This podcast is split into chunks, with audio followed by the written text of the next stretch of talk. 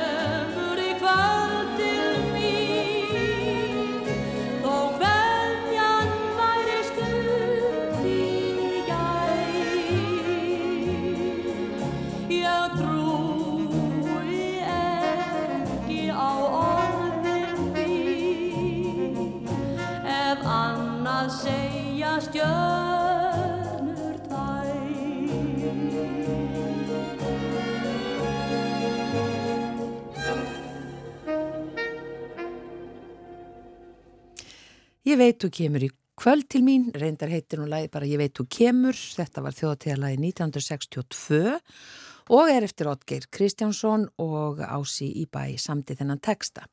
Og þetta ánu bara vel við vegna þess að gesturinn okkar, föstudagsgesturinn okkar, hann tengist Vestmannu Já, uh, líka.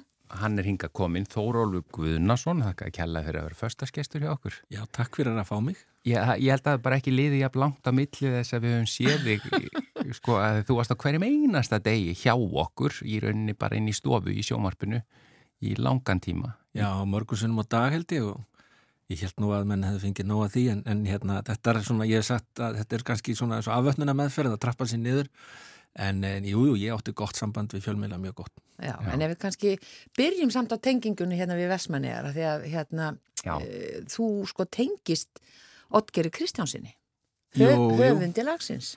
Ég flutti til Vestmanniða 1962 þegar að, og, og upplifiði að sjá þetta lag inn í Herjólfsdal flutt á þjóðatíðinni þegar það kom fram og, um, og síðan eh, náttúrulega upplifiði ég þjóðatíðalögin eftir það og, og, líka þjóðatíðalögin sem voru undan en, en svo jú, svo tengdist ég fjölskyldu Otgers en ég byrjaði að kynntist Otgeri fyr, fyrr, hann var söngkennari tónlistakennari í barnaskólanum þegar, þegar ég var þar og og kendi mér á trompet með, meðal annars. Og ég var í Lúrasveit með Otgeri og hann var að reyna að kenna mér einn svona stjórna, það gekk nú ekki vel. Nú, eh, Nei, það svo, var svo erfitt og stressandi að það tókst ekki almennilega. En, en hann kendi okkur mjög margt og mjög minnistæður og, og, og hérna það var náttúrulega eh, mjög svipilegt þegar hann fjall frá og, eh, og síðan náttúrulega Já, síðan kynntist ég og giftist badnabarni Otge sem að bjóa heimili hans og þannig að mér finnst ég vera svona hálfgerðu tengdasónur Otge Kristjánssonar. já,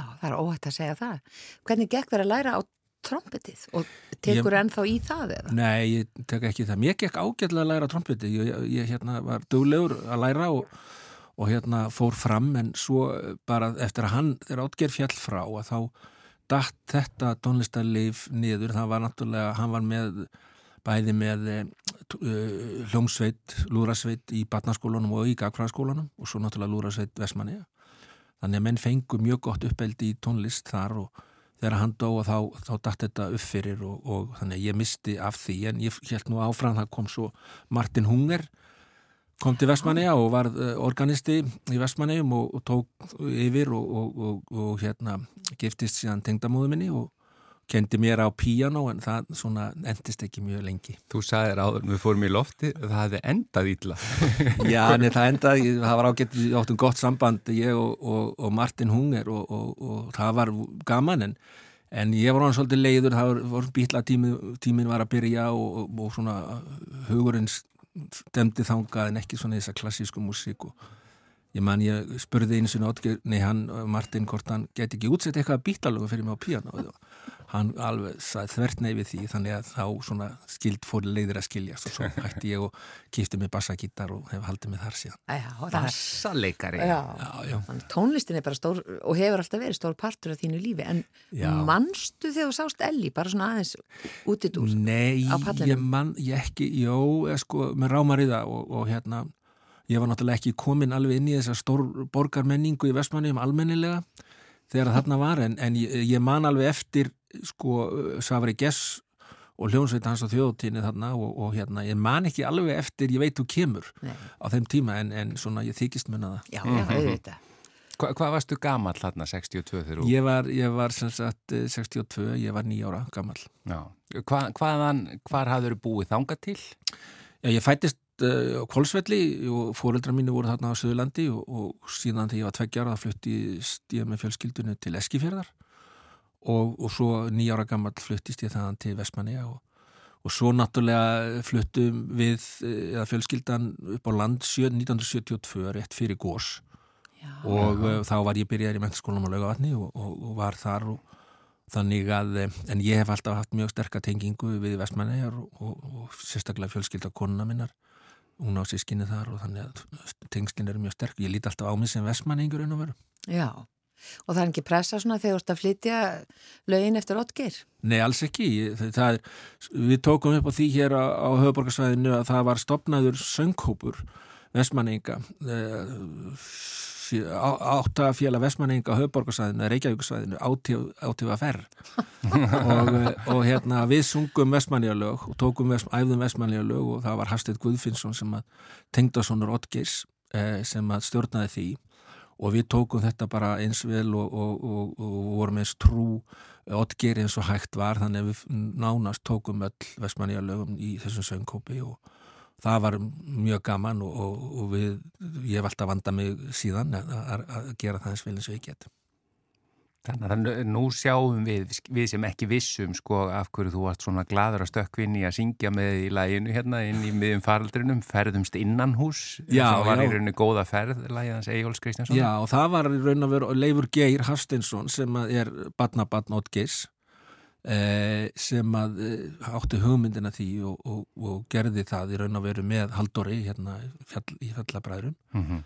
Og, eh, og hann vildi fá mig í síð, síðasta erendið hækkunina og það, það var bara mjög flott gert hjá þeim öllum sko. Já, en svona fyrir utan tónlistina þegar þú ert að alast upp í eigum hvað, hvað svona tók hugaðinn annað, já Það var bara mjög margt þegar að sko Eskifjörður er mjög, sko mjög kæra minningar frá Eskifjörði en þegar ég kem til Vestmanni þá var það bara eins og að koma til New York. Það var bara svo mikið af krökkum, ég man ekki hvað voru mörg í mínum árgangi, 100 og e, 20-30 börn eitthvað svo leiðis og, og það var bara krakkar úti, út um allt og, og langt á kvöld og það var alls konar leikir og það var fótbolti og það var íþróttir og menn voru að fara upp á fjöll og hérna nýra á strand og gera alla, alla, alla hundakunstir og þetta var alveg nýmæli fyrir mig og þannig að það voru úr svo mörgu að velja þannig að og svo myndaði maður bara mjög góð tengsl við, við sína jafnaldra og, og, og börnin í kringumann og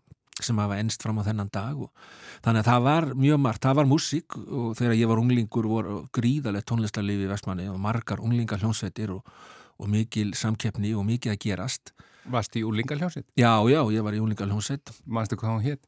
og ég taktar í manni það, já, já, já. Taktar, það hétt all, allar hljónsitt þá eitthvað ar, hljómar já, og eitthvað svona og, og þetta var mjög fremlegt náttúrulega hjá okkur, en þetta var bara fín hljónsveit og við spiluðum og spiluðum á húsafelli hérna 1960 og hvað nýju það fyrir stóru útiháttið og, og hérna. Um Vestlumannhelgi? já, já, það var hljónsveitakeppni þar og, og hérna lendu þar í öðru sæti. Þetta var mjög, mjög gaman. Já, tónar, hljómar, taktar já, já, akkurat, já, já, Margar hljómsveitir eins og það segir. En þegar þú stóst á sviðinu þar uh, svona mikill gæi það er ekki hvarlaður að, að þú erðir sóttvarnalæknir í framtíðinni Nei, ég hugsaði nú ekki svo langt en hins vegar var ég bara mjög fókus alltaf verið, alltaf verið mjög fókusur að þessi er að gera og það er svona fleitt mér áfram og ég var þá þegar ég var í þessu búin að ákveða að ég ætla að fara í læknisfræði Já, hve- Já. hvenar kom það? það var, ég var bara ungur það, ég hef nú sagt frá því áður að móðubróðum minn var læknir og mikil fyrirmynd og, og hérna, þannig að mér fannst það einhvern veginn liggja beint við, ég fór svona ó, samt óhefbundna leið ég fór í máladeild, það þótti mjög skrítið að, að máladeilda menn get ekki farið í læknisfræði, það var alveg volust Já, en, en, en ég var mjög ungur ætli ekki verið bara í barnaskóla árunum þegar ég ákvað það Já. En hvað séu máladeild í hvaða mentaskóla? á mennskólum á laugatni, það var líka mjög, mjög góð tími, fjögur ár þar Mm. og, og hérna og það var mikið músikli, þar var ég í skólalhúsveit líka Með, og, og uh, hérna þannig að músík hefur alltaf spilað mjög stóran part í, mínu lífi þó ég hef aldrei farið í- raunverulega í svona almennilega formlegt nám nema hjá Oddgeri Kristjánsinni og Martin Hungar á sínu tíma. Og það hefur svo sem ennst mér mjög vel. Mm. já. Þannig að þú spilar á bassan og þú spilar eitthvað smá á gítar og smá á píano Já, ég spila ekkert á píano Nú. nema ég spila stundur sama lægið og ég spilaði þegar ég var hjá Martin Hungar og hérna fjölskylduna er alveg búin að fá nóga því og byrðið mér minnstanast um að hætta því snarasta Hvaða lag er það? ég man það ekki hvað heitir svona létt, létt barnalag Já. en eh, nei, nei, svo ég byrjaði svo spilaði ég mest á gítar á tímabili en svo fór ég aftur á bassan ég hef alltaf sagt að ég er svona bassaleikari í mér, ég er svona bassaleikara típa svolítið. Já. Sko ég hef rosa gaman af bassaleikurum og guttla smá sjálfur. Er einhver svona bassaleikara fyrirmynd sem þú átt? Já, það er Paul McCartney, er mín Já, fyrirmynd og ég hef grunaði svona það. alveg leigið í honum og, og, hérna, og það er kannski líka vegna þess að við höfum alltaf haldið upp á bílalögin í þessari, þessari fjölskyldu, þessi fjölskyldu Oddgeis og, og Leifu Geir, barnabarni sem átti hérna, hugmyndina að ferðumust innan hús að hann og hans fjölskylda fæður hans og bróðir haf- hafa staðið fyrir svo kallari bíla sirpu á þjóðutíð ég man ekki hvenar hún byrjaði, það ætlaði ekki verið kringum 2000 eitthvað sliðis, jafnvel fyrr. Já. og það var alltaf tekið síðasta kvöldið byrjaði á miðnætti á sunnudagskvöldinu og það voru tekin svona 60-70 bílalög í beit í tjaldinu, hvítatjaldi og fleiri jafnvel þegar, þegar best lét og það var mjög minnistætt og mjög gaman og fólk þar þyrtist og fólk að söng öll bílalög þessi 60-70 bílalög og, og það var kolniða myrku þegar við byrjuðum en þá kom sólinn komin upp þegar við fórum út. Og þú, þú spilaði Paul McCartney? Já, ekki, ekki þá, en ég hef gert það síðar. Og við höfum haldið áfram með bítlasirpuna hér á höfuborgarsvæðinu og, og vorum með bítlasirpu heima hjá Leifi Geirum síðustu helgi, þar voru hvað, eitthvað 60-70 manns. No, no. og við vorum þá með eitthvað um 50 bítlaleg og jú, ég spila bí, uh, bassan þar og, og hérna, hann, ég er búin að stúdara Paul McCartney alveg í ræmur og, og, og hann er svona mín fyrirmynd myndi ég segja. Og svo erum við að spila mála menningu í kvöld. No. og sing along, er svona, við erum með svona, þetta er ekki, þetta er ekki performance heldur svona samsöngur, það er þessi fólk á að koma og syngja með Bítlalögin Já. og það verða f- hvað, 40, og all, kannski 47 bítlalög en e- kannski eitthvað færri. Það helgast af tímanum við þurfum að hætta klukkan hálf 11 En sko tvær bassanörda spurningar í viðbót. Ertu örfendur eins og Nei, nei, Nei. Því miður kannski nei, nei, ég hef ekki sumir hafa lagt á sig að reyna að spila bassa örfendi, ég, þetta, það væri ómikið þannig ég læt minna að ég vera bara rétt endur En áttu svona Hóner bassa? Já, er já, Hóner? Hofner. Já, á, ég á hérna soliðspassa, ég á og þýsku típun ekki, ekki þessa kýmversku eða söður korfisku eða hvað hann er. Já, þú meina sem er bara eins og hann átti. Já, Já, akkurat, en það er svo skrítið með þessa, með þessa gítara, eða þessa bassagítara sem að Pól er með þessu hafnir, það er svona vintage típur, það eru típur frá þess að það voru 62 og svo breytust þar aðeins 63 og 4 og svo framvins og, og þannig að þær eru alltaf aðeins öðruvísi en, en grunnurinn og þetta er mjög einfall hljóðfæri en hljómar mjög vel Mm. og fallegt. Þetta er eins og eiginlega í útliti, sko. Já, já, Já. Finnst þú bara alveg óvænt ókipis auglýsingu fyrir tónleikar, við hefum ekki Já, hugmynd ég um held þetta. að ég var nú Mjög svona, ég var nú með hugsa yfir því vegna að ég held að verði alveg tróðið þarna sko, því að Já. við erum búin að hvetja okkar vinnu og kunningja og alla til að mæta því að á að vera, þetta er ekki að hlusta heldur eh, fólk ver, sem mætir verður að vera með Já. og syngja og þannig að það verður svona kunnalögin og það krafan er að fólk getur líka rattað og verið meira þannig að þetta er svona singalong Já, þannig að það kannski tekkað inn hverju halda lægi. Já, það verður, verður, Og verður gert. vísað út. já, já. Nei, nefnir ekki. Þetta verður mjög skemmtilegt. Þetta, við hefum aldrei gert þetta áður í, eh, í svona, svona stórum skala eins og núna það verður fróðilegt að segja hvernig það gengur. Já, ekki spurning að það mun alveg öruglega ganga vel. En svona hvernig gengur þér eh, að því nú ertu, hvað, ertu sestur í Helganstein? Ég það fyrir bara eftir hvað maður meinar með því. Ég er hættur náttúrulega sem sóttvarnalæknir og, og hérna, en ég fylgist ennþá með, ég er svona ennþá að venjast til hugsunum að vera hættur. Eh, ég mun sennilega taka að mér verkefni í ráðunitunni að eh, svona innleiða eh, aðgerðir gegn síklarlefi og ónæmi sem hafa verið mikið í umræðinu og mjög þart verk og, og það er svona í undirbúningu og vona, vonandi mun það bara takast og ganga vel.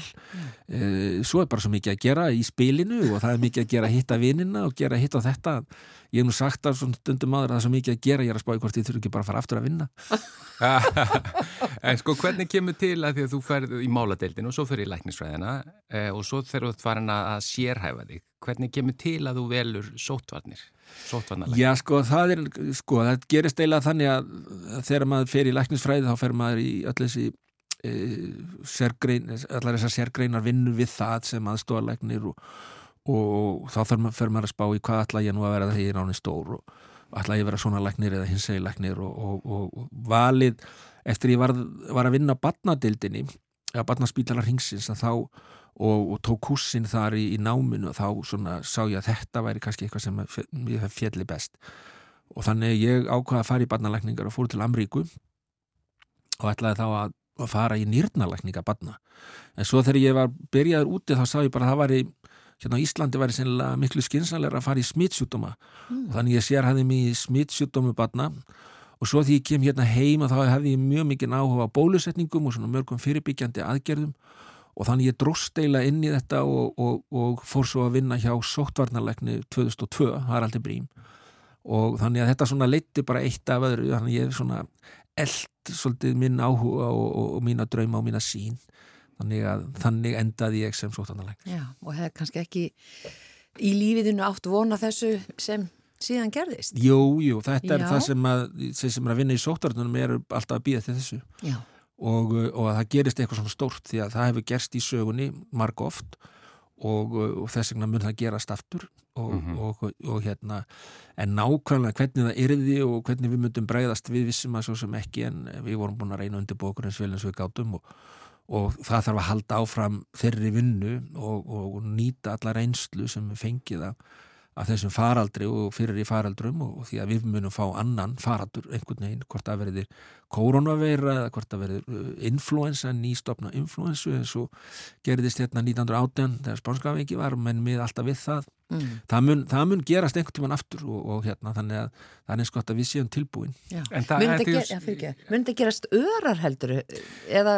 100 ára fresti eða? ég veit það ekki, sko Nei. að hafa komið svona nýjar, nýjur stopnar af influensu sem heimurinn hefur ekki séð á svona 30 ára fresti eitthvað svo leiðis og, og hérna þeir hafa verið misalvarlegir eh, alvarlegasti sem við höfum upplifað eða heimurinn hefur svona upplifað á síðustu árum er spánska veikin 1918 Já. og Þannig að það eru um það byrj 100 ár. Já, við fengum náttúrulega, höfum fengið síðan sko uh, svona nýja stopna sem hafa ekki orðið eins alvarlegir.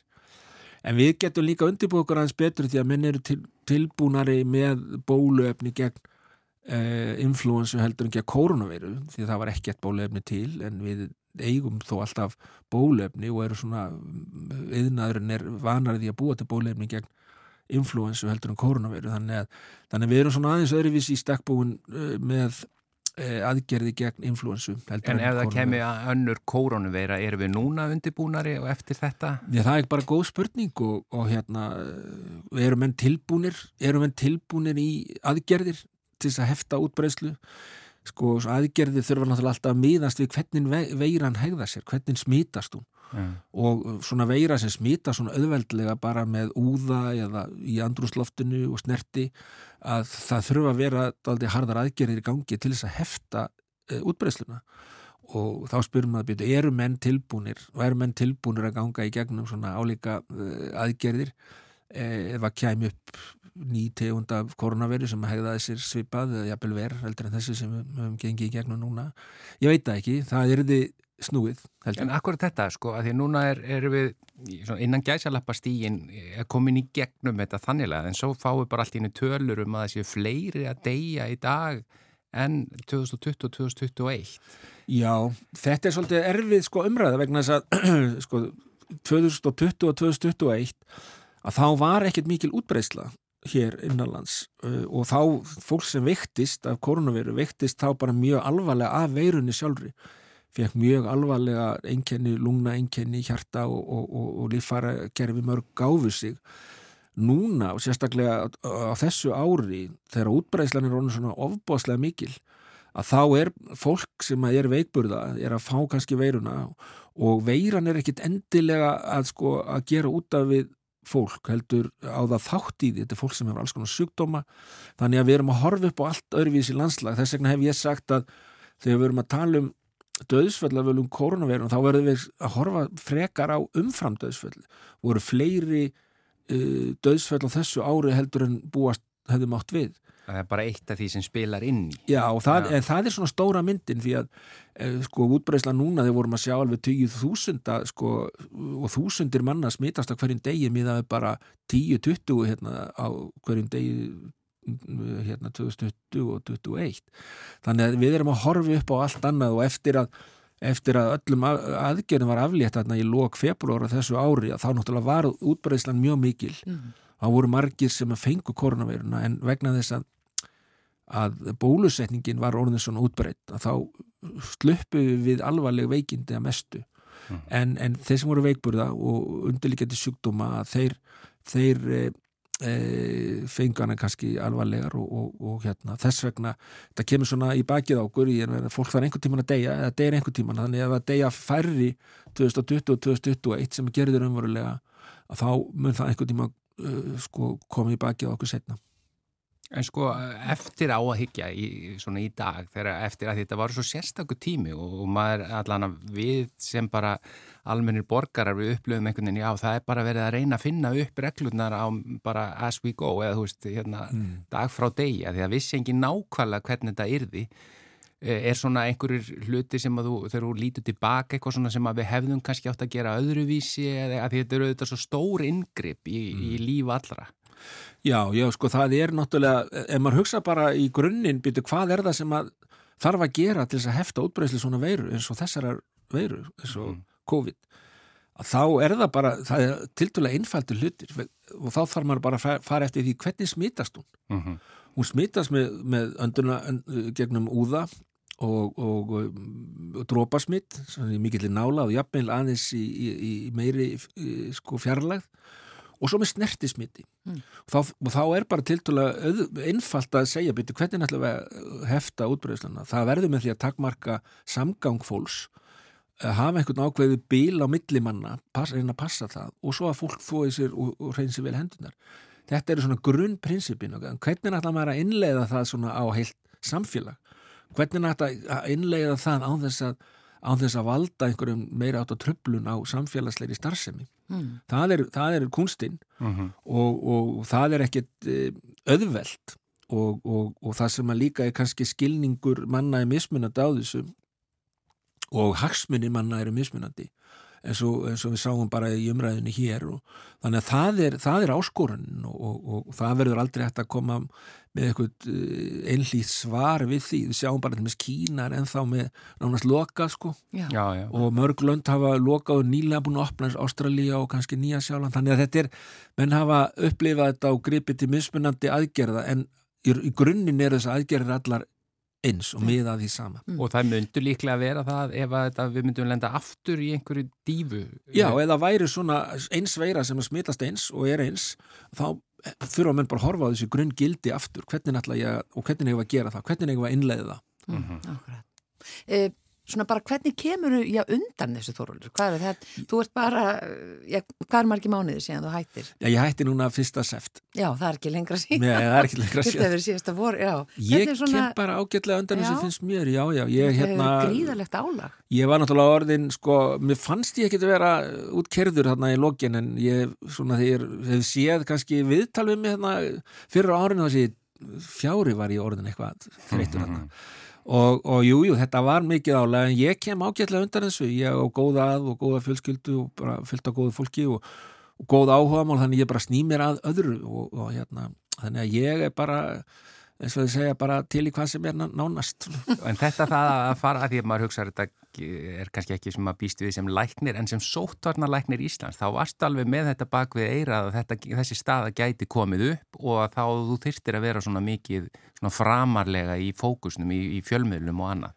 Þú var, það kom þér ekki alveg í opna skjöldu. Mm, ég veit það nú ekki, það var ekkert svo sem vitað fyrir, það gerðist bara einhvern veginn, það er náttúrulega líka stjórnvöld sem að stýra þessu, má ekki gleyma því það eru ríkistjórnin og það er ráðarann sem að ræðu þessu hvernig þetta verður útfært. Og stjórnvöld hér ákváðu það að, að, að við, sko við eh, þar að segja sótatanlæknir, landlæknir og, og hérna e, fulltrúi almannavarna væru í forgrunum í þessum málum. Stjórnvöld tóku þá meðvitið ákvarðu. Mm. Það var ekki þannig í mörgum öðrum löndum eins og í Danmörku til dæmis, þar voru það ráðherrarnir sem voru og ríkistjórnir sem voru, voru í, í frontinum Mm meira og þannig að þannig að þetta gerðist þannig að, að, að, að, að, að hérna, stjórnvöld bara ákveða þetta og þá tók maður bara boltan, við tókum bara boltan og, og, og ég held að það hefði verið mjög fasselt að gera það, við reyndum að vera eins fagleg og, og, og svona, svona heiðarleg í allir upplýsingagjöf og, og hvað við vissum og hvað við vissum ekki, hvað við vorum að læra og hvað, hvað, hvað við höfum gert kannski eh, ekki alveg rétt, ég held að við ekki gert einn stór mistök í þessu, ég held að við höfum verið með alveg grunnþættin alveg á hreinu. Mm. hvort að útfæslan hefði átt að vera svona eða hinsa en það er svona stundum önnur saga en, en um, ég er bara mjög sáttur í mjög sáttur við stjórnvald hvernig þau gerðu og ég held að, að við sem að stóðum í frontunum og allt okkar fólk sem að eh, var ekki sínilegt en, en bara hitan og þungan að þessu með okkur náttúrulega líka að, að ég held að við getum bara uh, hérna, litið svona björt, björt uh, mögum á, á hvað, hvernig okkur tókst til Já, akkurat. Við þökkum þið bara Já, kærlega við fyrir. þakkum þið bara kærlega fyrir enn og aftur. Og líka fyrir að vera förstaskestur hér hjá okkur. Já, bara takk fyrir að fá að koma Þórólur Gunnarsson. Gunnarsson, og svo er það bara þetta í kvöld. að Tónleikar. Mála, tónleikar að mála menningu. Já, singalong tónleikar, mál og menning. Takk einlega fyrir að vera Takk, förstaskestur. takk, takk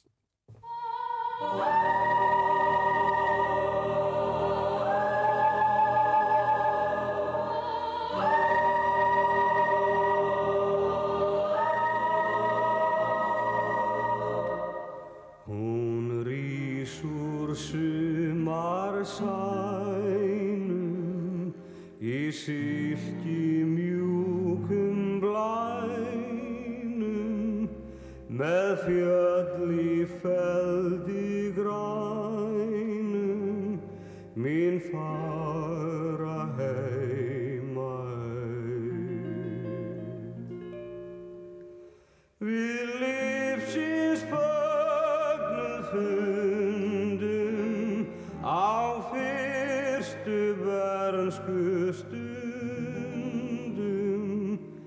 er sólin hló á sundum og syldu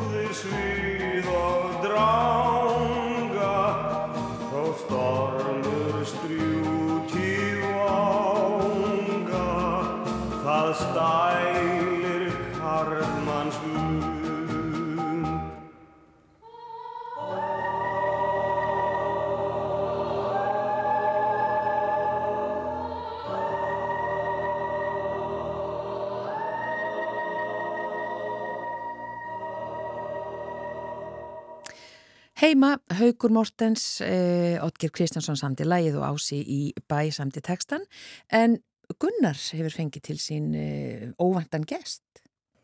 Já, það er ekki á hverjum degi sem við hér í mannlega þættinum fáum svona flottan gest sem ætlar að fá að óskalag hjá okkur. Hann er hérna komin fjögur ára Björn Ágúst. Velkomin í mannlega þáttin. Já, Gaman að fá þig. Já, sem leis. Það er langt síðan þú ætlaðar að koma til okkar. Já, Hlustar þú mikið á útvarpið? já, Á, á hvaða þátt hlustar um mest? þennan, Þennan hér? já, En þú veist ekki hvað ég heiti það? Gunnar, það, já. Já. Vá. Ætlar að fá óskalag? já, Hvað heitir óskalagið? Dísu Ósins. Dísir Vorsins. Hver, með hverjum er það lag? Það er pappa minn sem að syngur. Er það? Hann er fluttur í Nótek. Já, er það? Já, Hvað er hann að gera þar? hann er að vinna. Já. Veistu hvað hann vinnur við? Hann er að setja upp svona kerfi. Jaha. Já, Svo Nortec kerfi. já. sem stendur í Nortek. Já. Hva, hvað langar þig að verða þegar þú ert orðin stór? Uh, stræt og gall. Já, að keira þá strætó. Já. Já. Er einhver, finnst þið gaman að fara í strætó? Já. Hva, hvað er, Alltaf á föstu dögum. ferðu þá í strætó? Bara Akureyri. Já. En hefur þú farið líki strætó hérna í Reykjavík? Nei, Nú, er þeir, er ekki spennandi að fara í strætó hér? nei. Ó, bara Akureyri. Það er þegar þeir kemur svolítið hratt. Hérna, já. Já. Já, það er náttúrulega kannski ekki gott. Myndið þú keira bara hægt? Þegar þú verður strætó, kall. Já. Já, það ætlar bara að keira vallega. Já, þá ætla ég að kemur á 30. Já, það Það er ekki svo mikið. en spennandi. Við ætlum að spila þetta lag fyrir. Já, Hvað er? Dísir, þessi ásens. Dísi Vossins. Með pappaðinum og eru ekki fleiri sem syngja með honum? Man ekki hvað henni heita. Nei, nei, en það er svona kór. Já. Kalla góð. Kæri Björn Ágúst, takk fyrir að vera gestur í þættinum.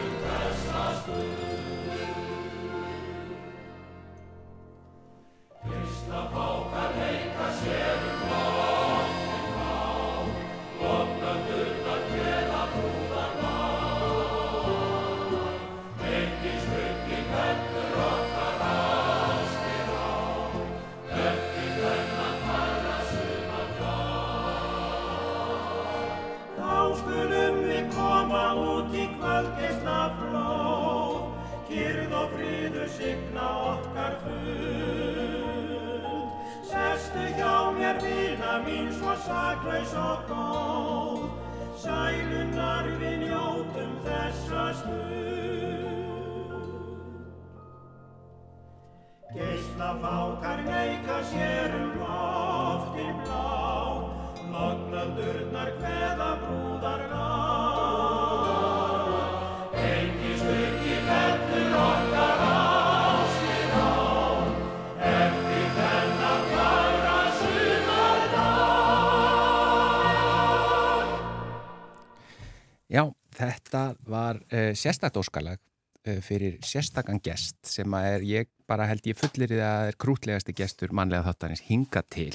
Þetta var fyrir hann Björn Ágúst, þetta var lagið Dísir Vorsins uh, með karlakórnum kórnum heimi eftir Bjarka Átnason, lag og texti. En nú er komið að þessu.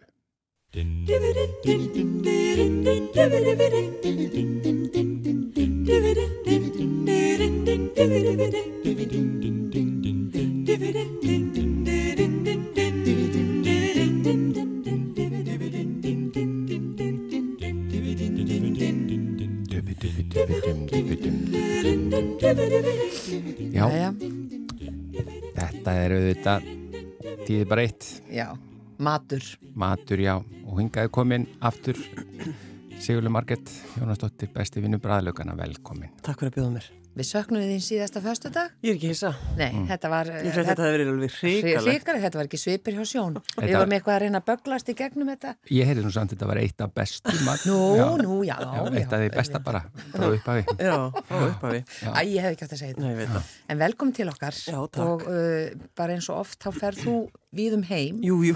bara að rannsaka mat Ég og er- matarvenju. Já, það er nú það sem er svo indislegt við mannlega þáttina þið, þið eru svo, þið óhygg að sendi mig út í, út í heim Já, er, Snúum bara þér. hnettinum Já. og setjum puttan einhver stað niður. og til dæmis var ég svo heppur um daginn að, að puttin hann endaði bara í Helsingi Já, já. Magna. Þanga fórstu. þanga fóru við og ég var ætlaði svoleiðis að rannsaka finskan mat Já.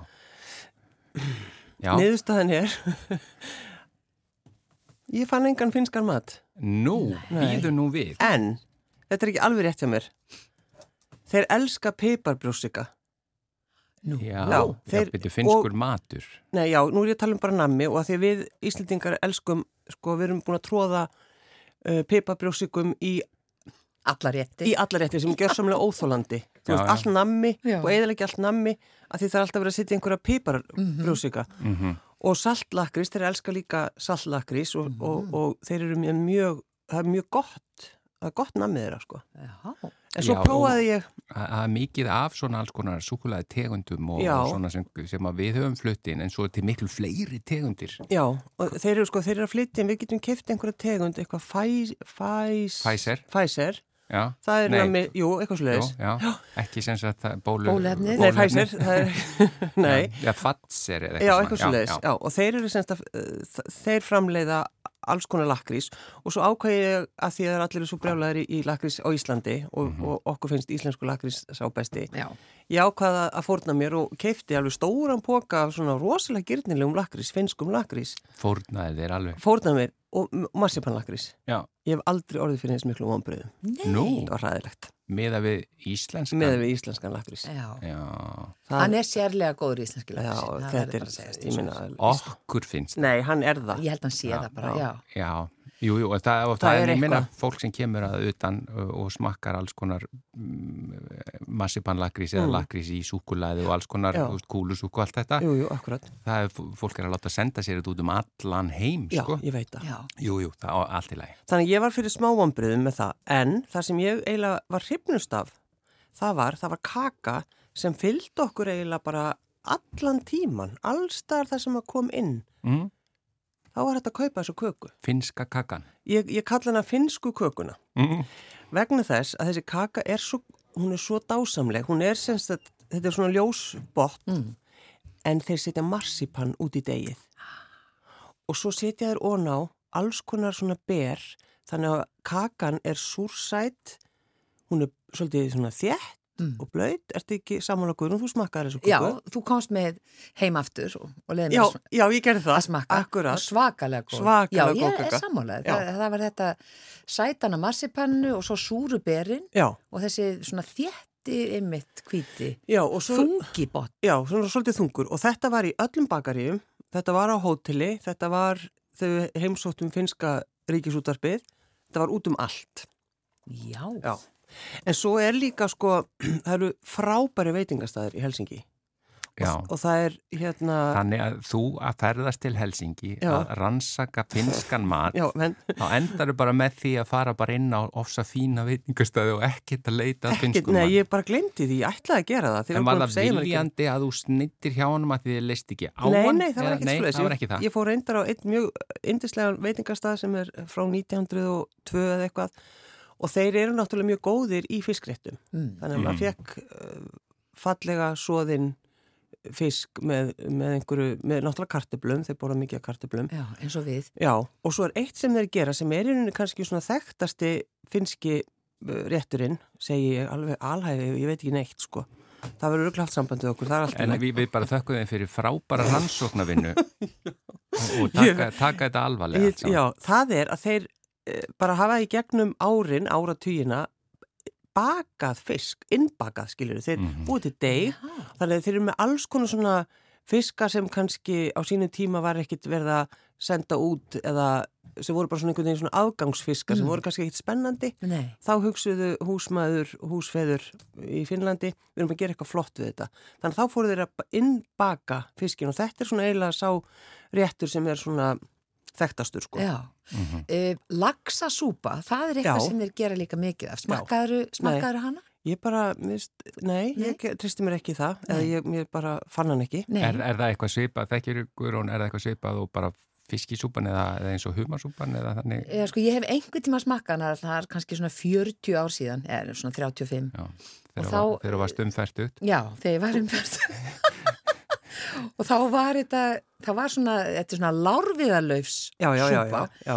Mér fannst hún ekkert sérstök, ég verði alveg að segja eins og er sko, mér finnst fiskisúpa miklu, miklu betri en, en uh, þe- þetta er bara svona hefur sinn lúðusúpa? stíl Já, þetta er svona eins og lúðusúpa, já Já. Ég er búin að finna út úr þessu hvað þessi réttur heitir, þessi innbakaði fiskur sem að allir þekkja sem hafa eitthvað vit á finsku mat.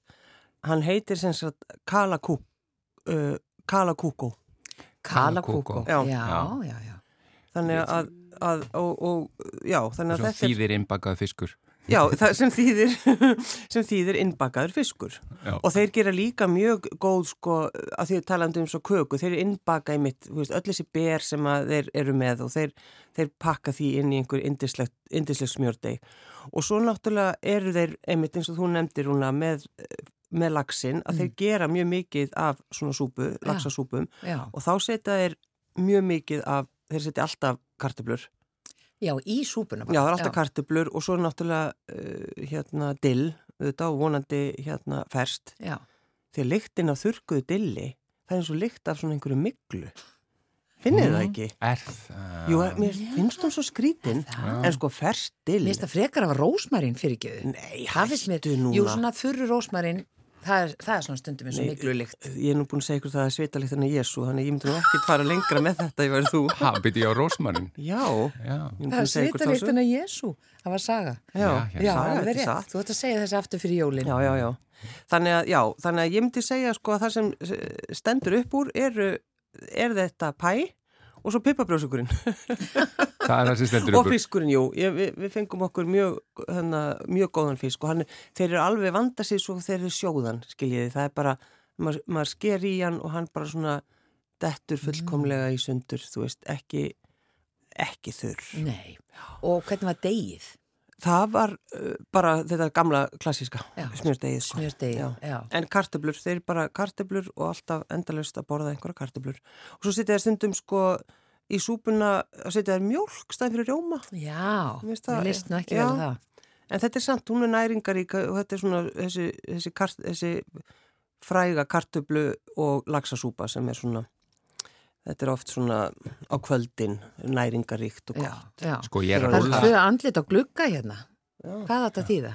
Að- komur og Siggi Já, Já, þeir eru að fara í að koma að útvarfið á trufla. Rás 2 Þeir eru á rástöð þeir eru Sjúkir í aðtikli. Já, bara að reyna að læra eitthvað líka af okkur helst það. Ég held En að sko, ég fylgjast með ég var aðeins svona að, að kanna hérna yfirborðskönnun á, á Já. finskum mat og, og ég sé það svo mikið af sko villibráð Mhm. Já, sem er hérna hreindýr. reyndir og, Bara takk fyrir að minna já, mig á það. og, já, og, og þú varst ekki að tekka því Nei, nei, mér, æ, hreindir, ég borðaði yfir fór, að- að veiða. já, þú þurftir ekki að borða það allt. Ég, nei, hæ? Ég vissi það ekki. Nú, hún byrjaði á fótunum. Já, Já. nei, þeir, þeir eru náttúrulega sko, ef maður bara lappar í gegnum miðbæinn og, og það eru búðir, það eru uppstoppur hreindir og það eru hreindir að skinni, það er náttúrulega mjög sem minnir á Já, og þeir nota auðvitað nýta skepnuna væntanlega mm, og það eru hreindir að bollutnar og það eru góðar steikur. Já með bara svona títuberja sósu og þeir nota einmitt sultunar, það er sulta og mi mikil Mikið sulta já. já. Uh, Í minninguna þegar svo langt síðan ég fór þarna í den Mm. þá, var, þá var eitthvað svona síldar eitthvað Já, já. sem var alveg skelvilega vond en það var ekki marineru síld og hún var einhvern veginn gerð einhvern veginn bara já. öðruvísi en þá er ég svo ung, ég hef ekkert kunnað að meta þetta ég myndi örgulega kunnað að meta þetta í dag en, en hérna, já, þannig að þannig að þetta var Helsingi og það er mjög skemmtileg borg, það verður nú að segist þess að það er myndisleg. Já. Þeir eru allir svo, svo finnst mér eiginlega skemmtilegast að það halda allir að maður sé bara finni, tala allir finsku við mann, því maður lítur út bara eins og finni. er það? Já, Ertu með alveg ekta finska Serðu það ekki? og líka eitt sem ég veist æðislegt. Fer, á, maður fer á flottan finskan veitingastað, maður fær Mhm. matseðilinn og svo fer maður kannski á pizzustað, allt á finsku, Ekkit ennsku ekkert ennsku. Og mér finnst það svo, ég veist, eigum, þetta er það sem við eigum að gera. Þannig er þú heppin að að vera finnsku. reybrennandi á finsku Nefn, var í, ég var í stökustu vandræði, maður þurfti svona einhvern veginn að, þú veist, maður þurfti náttúrulega að spyrja, Já, en það er nefnilega að því sko norranni tungumáli maður getur svona stauta sig það og svona giskað sirka á hvað eitthvað þýðir en, en til dæmis hvað haldi þið að þetta sé Já. Caligari-let. E, brauð. Nei, þetta er nefnilega cabbage roll eða, eða hérna bara Já, svona kál. kálböglar. Kálböglar. Já. Þú veist, það er ekkert hægt að Ég giska veit á það. neitt sem að, eh, af þessum, það er mjög fá orð sem eru eitthvað Já. svipuð. Ég meina, finnst ykkur það ekki svona skemmtilegt að þetta er það sem við eigum, að- við veist, við eigum að hafa bara matselum í íslensku og leifa þessu fólki bara svitna. Já. Jú, jú. Og líka það sem gerist þegar þú skilur ekki hvað er matselinu, þá pantar eitthvað sem þú myndir aldrei annars panta. Mm. Nei, akkurat. Þannig að þetta er svona upplifun eins og dálítið. kalla kúkó. Já. Kallakúkó, já. Og ma- á maður ekki líka bara á, í svona aðstæðum, ef maður þekkir ekki alveg matinn, þá maður bara spyrja, viltu mæla með einhver fyrir? Já, já, það er svo skemmtilega óvissuferð, sko. Já, já, Já, akkurat. Já, já, og svo er þetta bara við, sko okkar tungumáli er bara nákvæmlega eins, það skilur það enginn. Nei, nei, nákvæmlega. Mhm. Og svo er þeir auðvitað Þarna er líka með, þeir nota út á, þú veist, það eru skóarnir og það eru vötnin og allt þetta og þetta er það sem að blandast inn í matinn, það eru sveppirnir, Já. það eru berin, það Sána. er fiskurinn, sána, Sána Sammála bræða vodki Mhm. og, og eitthvað. Já, mikil jörð Mikil í, jörð, í þessum mat. sérstaklega í pipabrjósugnum, hann er rosalega jörð Já, í honum. það er ekkert nema jörð í honum. Ekkert nema jörð. Heyrðu, við þökkum þér kærlega fyrir innlítið Já, og lítið. við erum ekki alveg búin að ákveða hvert við sendum þið næst. Nei, ég er spennt. það kemur í ljós. En ég er samt á báðum áttum með það því ég held hún, ég menn eins og farið til Finnlands og smakka af alla finska mat, þú veist, þá veit ég ekki hvort að við sendum þið kannski bara einhvern veitingasta Já, takk. Já, Ég til í það. nýri skeifu bara Já. En, en Sigurlega Margrét, það er föstu dagur það er þitt hlutverk hér í lok þáttar að kveði okkar hlustendur. Gjörðu svo vel. Kæru hlustendur, góðar stundir.